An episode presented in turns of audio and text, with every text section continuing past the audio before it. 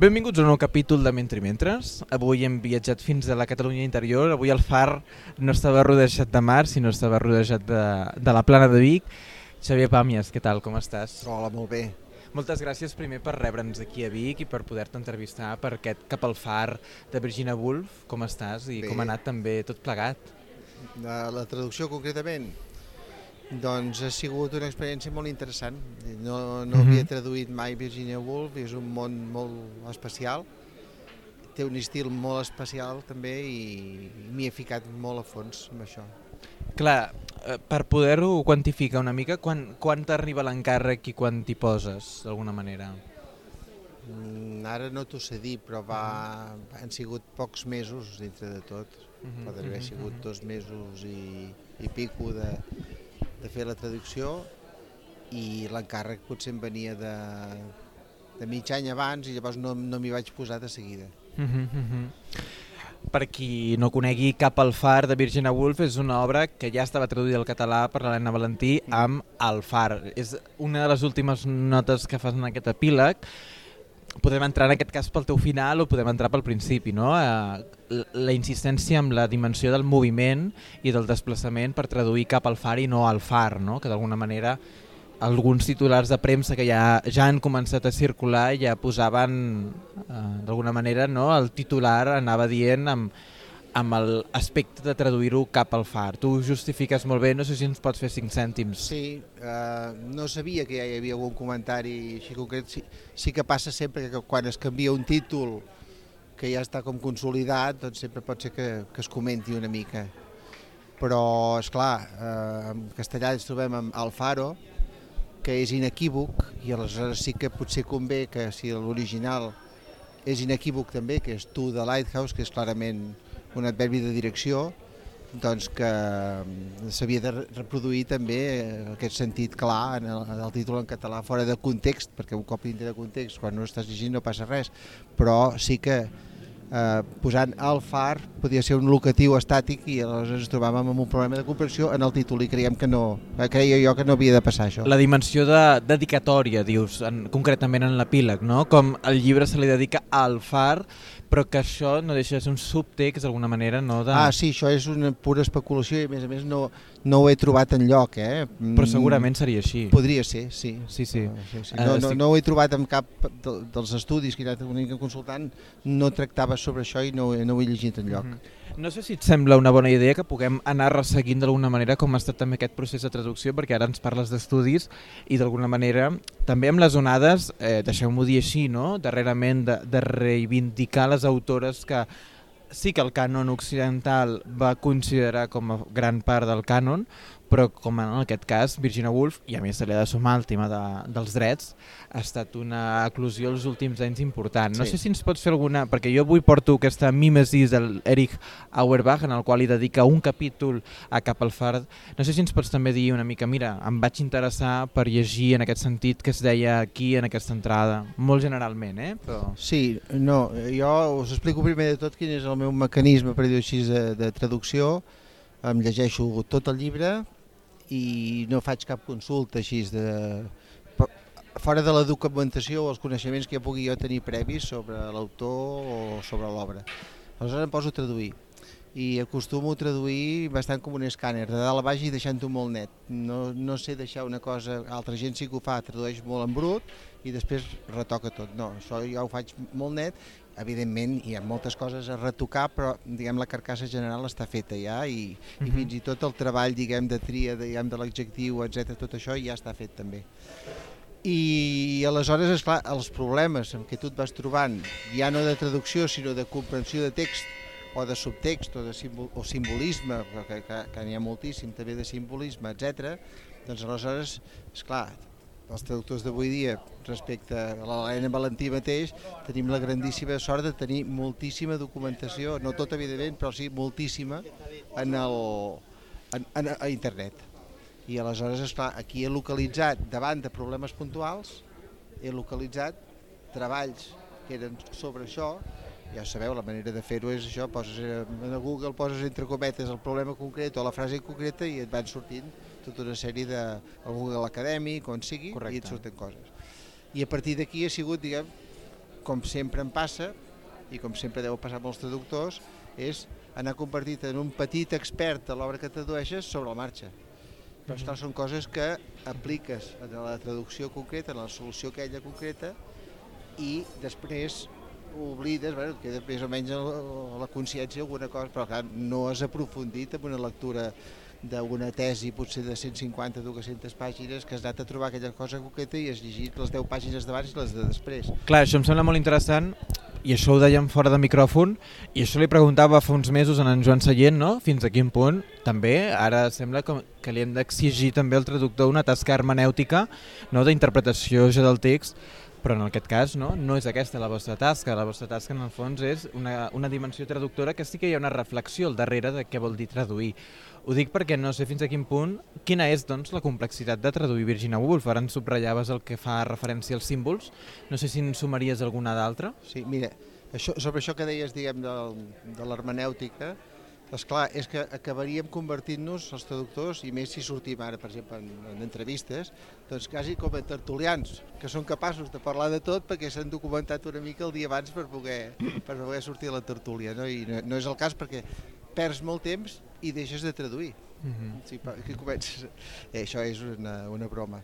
Uh -huh. uh, sobre la qüestió del, del, de, les, dels, de les qüestions que m'he trobat, uh, la principal és que aquesta dona t'està donant tota una visió t'està donant tota una visió del, del seu món, del seu món allà a prop del far, eh, a la casa on s'estan a l'estiu,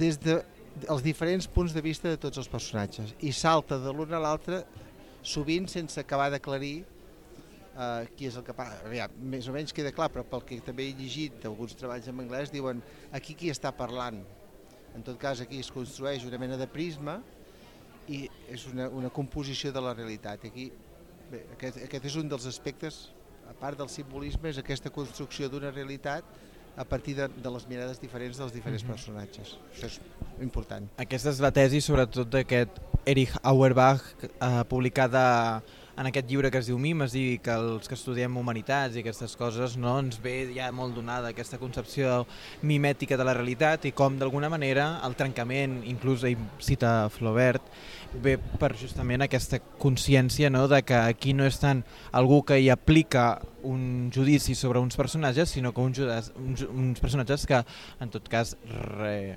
representen una situació i que està en un context modernista i per tant l'aspecte del circuit, en aquest cas eh, físic i aquest el anar cap al far és molt important. Et volia preguntar però eh, per com, quin és el repte de traduir doncs, eh, respecte al que m'afirmaves les diferències, no sé fins a quin punt lingüístiques de cada personatge. No sé si això ho has detectat i això ho has treballat fins a cert punt.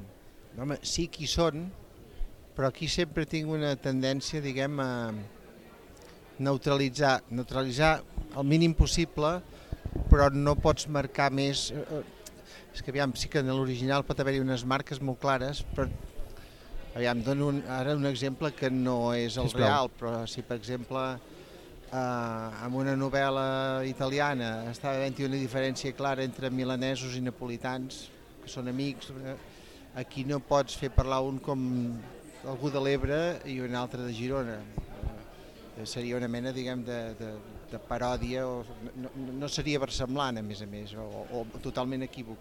Aleshores sí que pots donar alguna marca a vegades senzillament doncs, perquè sigui una mica més col·loquial la parla d'un i una altra que sigui més formal, uh mhm. -huh. però d'una manera més neutralitzada, per dir-ho així. Jo penso que així es manté una mica més la il·lusió de que hi ha un, un cert punt de realitat, diguem, en, en, en la manera de parlar de, la de les diferents, dels diferents personatges. Hi ha un aspecte que no sé fins a quin punt també et volia fer participar la reflexió col·lectiva, no, no demano com a expert perquè això d'experts n'hi ha pocs, però és eh, l'exercici de llegir Virginia Woolf sobretot des de l'aspecte biogràfic i autobiogràfic. I ho dic perquè ha sortit i sortirà edicions dels, dels diaris, ara que s'han alliberat els drets, però en aquest cas, els que sí que van haver de, en aquest cas, pagar els drets, perquè van agafar l'edició establerta per Leonard Arbull, són la gent de Viena, que va fer aquest diari d'una escriptora que ho ha editat i traduir la Dolors Udina. En aquí parla molt del far i justament parla no, eh, amb entrades concretes dels anys previs i l'any que han traduir i fa referències. No? Avui he acabat la primera part del far. Tot això, eh, Xavier Pàmies, T'ha servit? N'has fet ús? Eh, com ha estat també la relació amb els documents de la mateixa Virginia Woolf? Sí, jo eh, el que he llegit és la, la introducció, sobretot diguem de l'edició de què disposava, i després sí que he fet també alguna lectura complementària, una mica diguem, diagonal també. Uh, sí, de la consciència aquesta la tenia ben clara i, i el que era important era saber diguem que la, o el, el, en James o els altres, els altres germans estan bé i també la, la, la pintora que està Lili. convidada, la Lili, doncs eh, estan sent una mena, diguem, de elements o parts, diguem, de la Virginia Woolf real amb la relació amb la mare i amb el pare. Allò, aquella mare, diguem, molt present, aquell pare mm, autoritari o estricte o, bé, o aquella figura paterna poderosa, és clar, i, i sí que la Virginia Woolf aquí, un cop els ha perdut tots dos en la vida real, doncs diguem que els acaba de matar per una banda en un sentit freudià i al mateix temps sembla que es redimeixi amb ells, és a dir, o ella es redimeix amb el seu concepte de pare i mare, el que van ser el seu pare i la seva mare, i que els diguem, que acaba diguem, acceptant-los o, o, o, o traient-se'ls de sobre. Uh -huh, uh -huh, que és, uh -huh. Això és una cosa que ella comenta també, que els havia tingut com un pes, fins i tot morts, per la personalitat poderosa de tots dos. Has comentat aquest aspecte que també anava a fer referència. També hi ha un altre aspecte en aquests papers que ara en Xavier Pàmies feia referència, que és aquesta lectura mítica de, del cap al far, que en aquest cas faria més referència no, a simbolismes, a personatges mítics, com per la figura de Demeter pel que fa al senyor Ramsey. Són idees, no, aquest filòsof no, metafísic, als 25 anys, i ha escrit no, gairebé al cim de la seva carrera, tota aquesta dimensió, no, sempre mirant cap al futur, i aquests vuit fills, no, que després sabem que un mor a la Guerra Mundial, mm. i d'alguna manera aquesta típica modela, eh, model de novel·la modernista en el qual circula no, també cap als dolors de la guerra i que ens portarien fins i tot, però no formalment, que això és un aspecte que et volia comentar, no formalment a un viatge com T.S. Eliot o d'altres, o l'Ulisses, sinó estem al cas a una resignificació del que és la bellesa. No sé fins a quin punt estàs d'acord amb mi, que no deixa de ser una construcció bella dins no, del que podria sí, considerar-se... Si, si t'entenc bé el que em demanes, sí que realment hi ha un aspecte estètic importantíssim d'ella de dir jo vull construir una obra rodona on totes les peces encaixin, fa la comparació amb la pintura uh -huh. de la Lili i, i, i com eh, la, la Lili va intentant compondre o començar bé l'obra com omplim diguem la tela i com anem posant-hi tots els elements i és exactament el que fa ella amb el llibre. Aquí realment és també una, això, una reflexió sobre la creació i creació, diguem, això com dius tu, de bellesa i, de ritme, de, de, sí d'una obra diguem, en si mateixa ja bonica en si mateixa. Això segurament és el que el fa interessant, el llibre dic, Uh, pel que fa a l'estudiant universitari o la gent que entra en aquests estudis eh, literaris, ho dic perquè no deixem de parlar d'un clàssic i per tant el clàssic també entra dins d'unes tensions que potser l'allunyen no, del que és la novel·la contemporània també pel que fa també a la recepció crítica. Ho dic perquè la següent pregunta volia fer referència no, al simbolisme. No? Has fet cas, no sé si podem destacar alguns elements simbòlics que potser t'han portat problemes eh, potser no només amb la significació sinó també amb tota la iconografia que hi ha al darrere. No sé si ens pots posar algun exemple o alguna idea que hi ha al respecte. Mm, mira, ara no t'ho sé dir que el far és el, és el, el far com a element eh, arquitectònic no? i té, té aquesta força simbòlica molt clara. Després, que ella treballa molt la qüestió dels colors, dona molta importància als colors i també tenen el seu, el seu valor. La llum i la foscor, eh, després les onades, el mar, no? que, que, en el sentit d'infinit sempre tenia al davant el mar, i les onades, per cert, no sé si m'ho voldràs demanar després, però t'ho comento, és, és la, la qüestió aquesta diguem, rítmica que té, té un, un ritme, uns períodes marcadíssims molt interessants dins tota l'obra, que és part d'aquesta construcció de la, de l'obra total aquí, doncs que tot aquest ritme, els paràgrafs i tot això és important també mantenir-ho i aquí com a traductor sí que ho he tingut molt clar com respirava l'obra i d'altra banda, encara que ja no entra dintre la pregunta que em fas sobre els símbols, és l'adjectivació. També hi ha els adjectius que a vegades es van repetint i fins i tot surten pàgines més tard que veus que està buscadíssim també allò de l'adjectiu, la paraula justa, Mm, doncs ho té, ho té, ho té molt clar de, que, que vol mantenir uns, uns executius concrets per, a vegades són com remissions, no?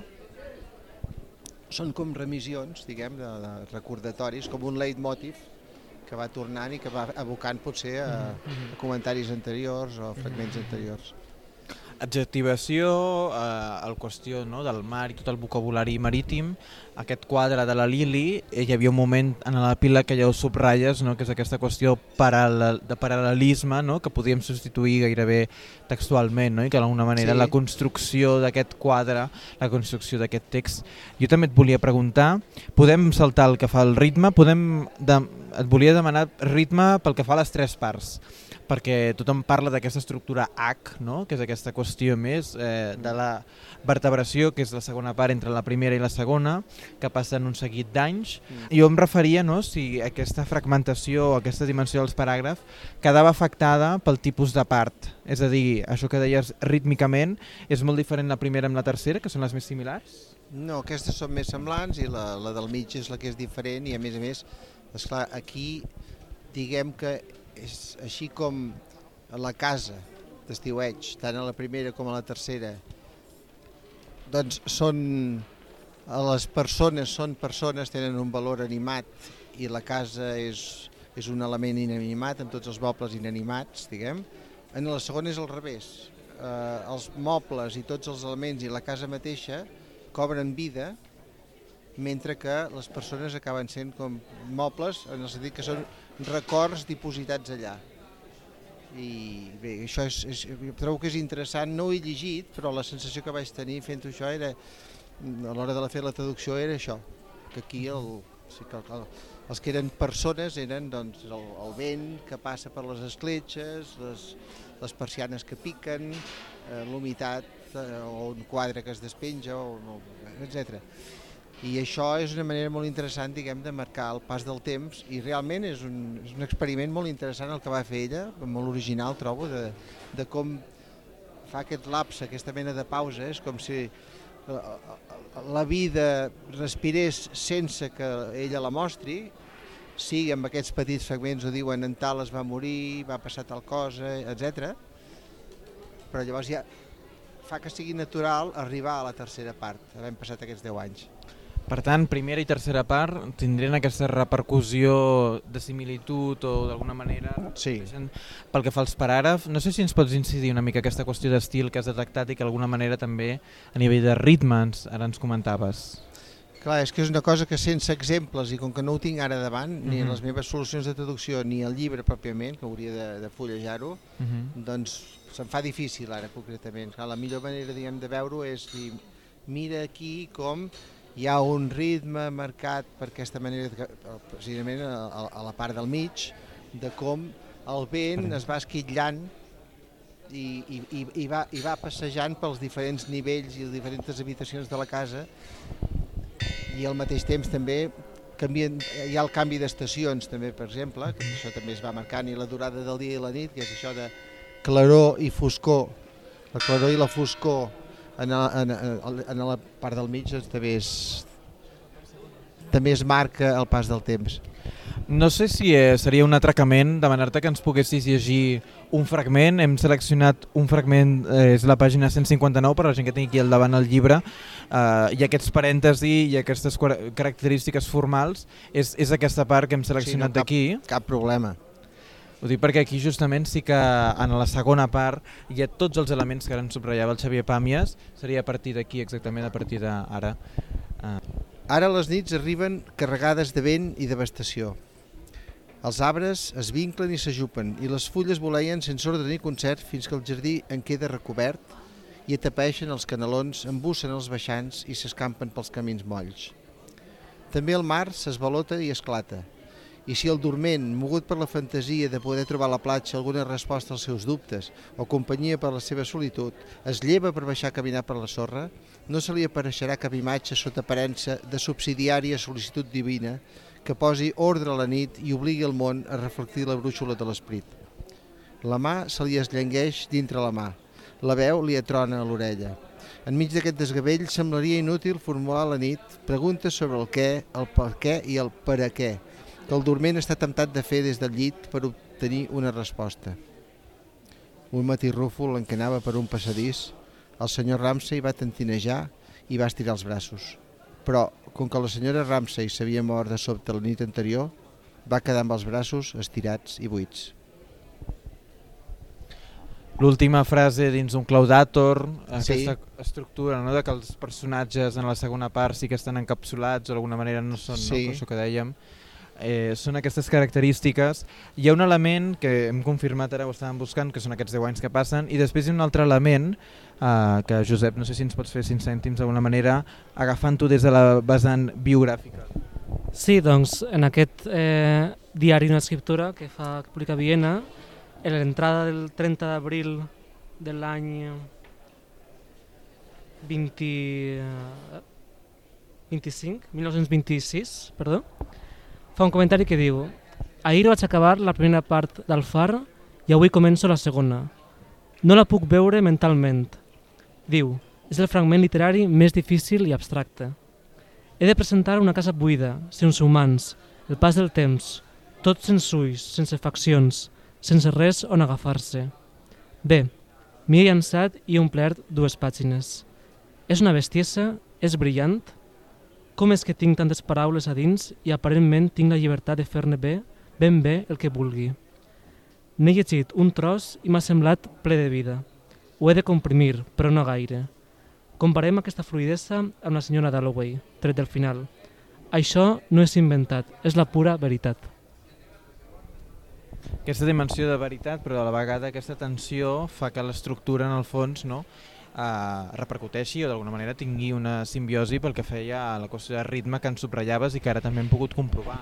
Uh, en aquest cas, mm, ja no només la, la dificultat de la traducció, sinó també la consciència de que això funciona així i que el, el resultat final no, ha d'afectar més no, el, el resultat en aquest cas de Virginia Woolf i també el fet de traduir-la 2022 i no fer-ho 50 anys abans o després, eh, d'alguna manera repercuteix o acaba afectant a la consciència en aquest sentit i que per tant eh, no deixa de ser una qüestió profundament, no, ara que llegíem, de parts i de tensions. No? no sé fins a quin punt també al llegir-ho eh, per a la traducció també tenies aquesta consciència, no? que la primera part sense la segona no tenia sentit, però la, que, la del mig d'alguna manera feia com de pont de trànsit i que aquest trànsit, encara que semblava anecdòtic, era important. Sí, esclar, També. això no arribes a plantejar-t'ho ja quan llegeixes veus que el tot són les tres parts, veus el recurs estilístic i, de, i, i simbòlic diguem, de la casa a la part del mig i que és, bueno,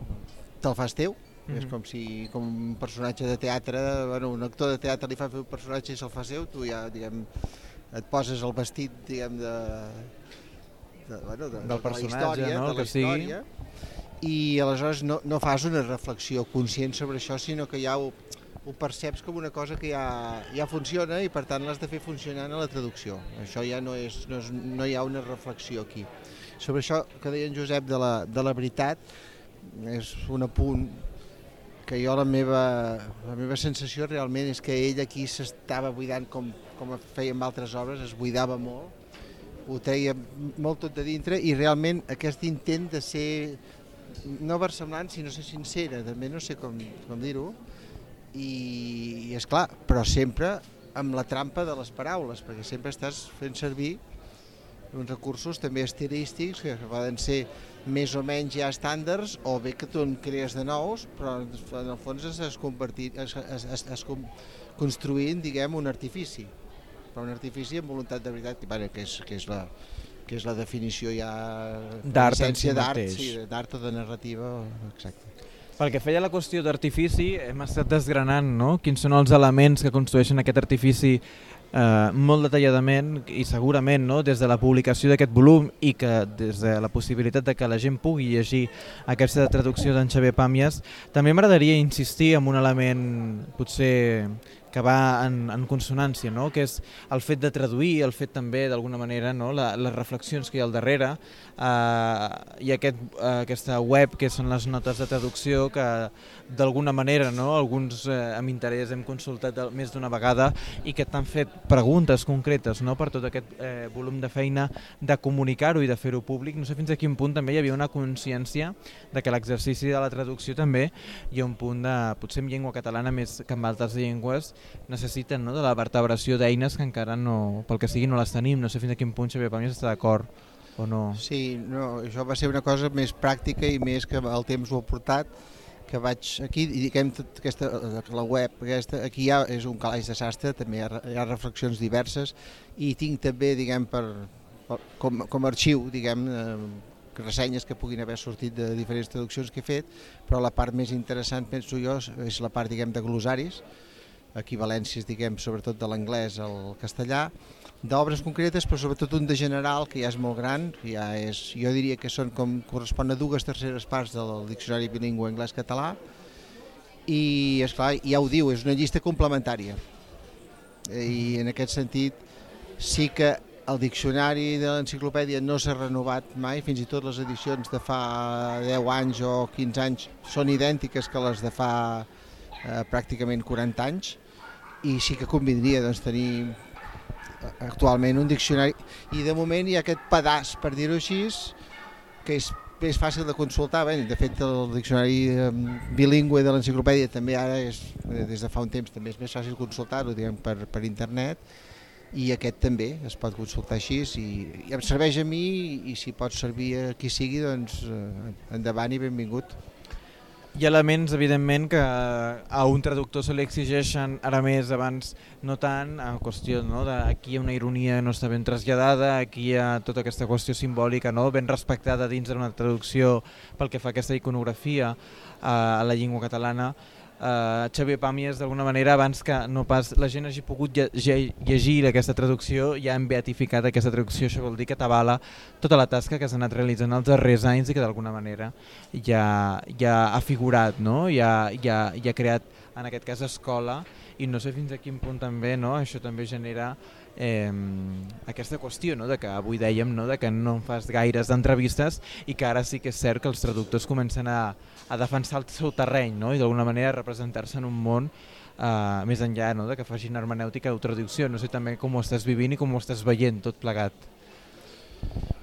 Home, com et deia abans amb això dels tertulians, si algú es dedica molt a parlar sobre el que fa, fa menys feina, perquè no li queda tant temps. A mi, I a mi el que m'agrada més és traduir eh, no em molesta fer ara amb vosaltres aquest, eh, aquesta entrevista i sempre també en funció de què. M'he trobat amb entrevistes una mica frívoles i, i potser amb els mitjans més, els de comunicació més, eh, tipus TV3, tipus alguns programes de Catalunya Ràdio, evidentment hi ha de molt, de molt respectables i molt bons, molt dignes.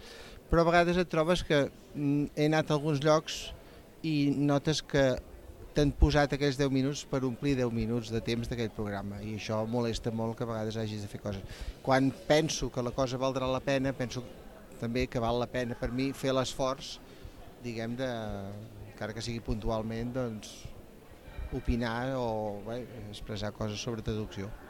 Avui hem parlat de Cap al Far, de traducció del Xavier Pàmies de la Virginia Woolf, que és la nova novetat de la Bernats Metge Universal, que és aquesta col·lecció que pretén portar clàssics universals i sobretot vetllar per noves traduccions. Um, moltíssimes gràcies, Xavier Pàmies. Només et demanaria, per concloure, si ens podries llegir, tens una còpia aquí, però si vols et puc cedir aquest, sí. la de l'exemplar, que és a, a l'últim paràgraf final, que és ja per concloure l'entrevista i per concloure també el llibre. Molt bé. D'una revolada, com si alguna cosa l'hagués reclamada, va dirigir-se cap a la tela. Allà el tenia, el seu quadre, amb tots els seus verds i blaus, els traços que anaven amunt i avall i de través, la provatura d'alguna cosa. Acabaria penjat a les golfes, va pensar.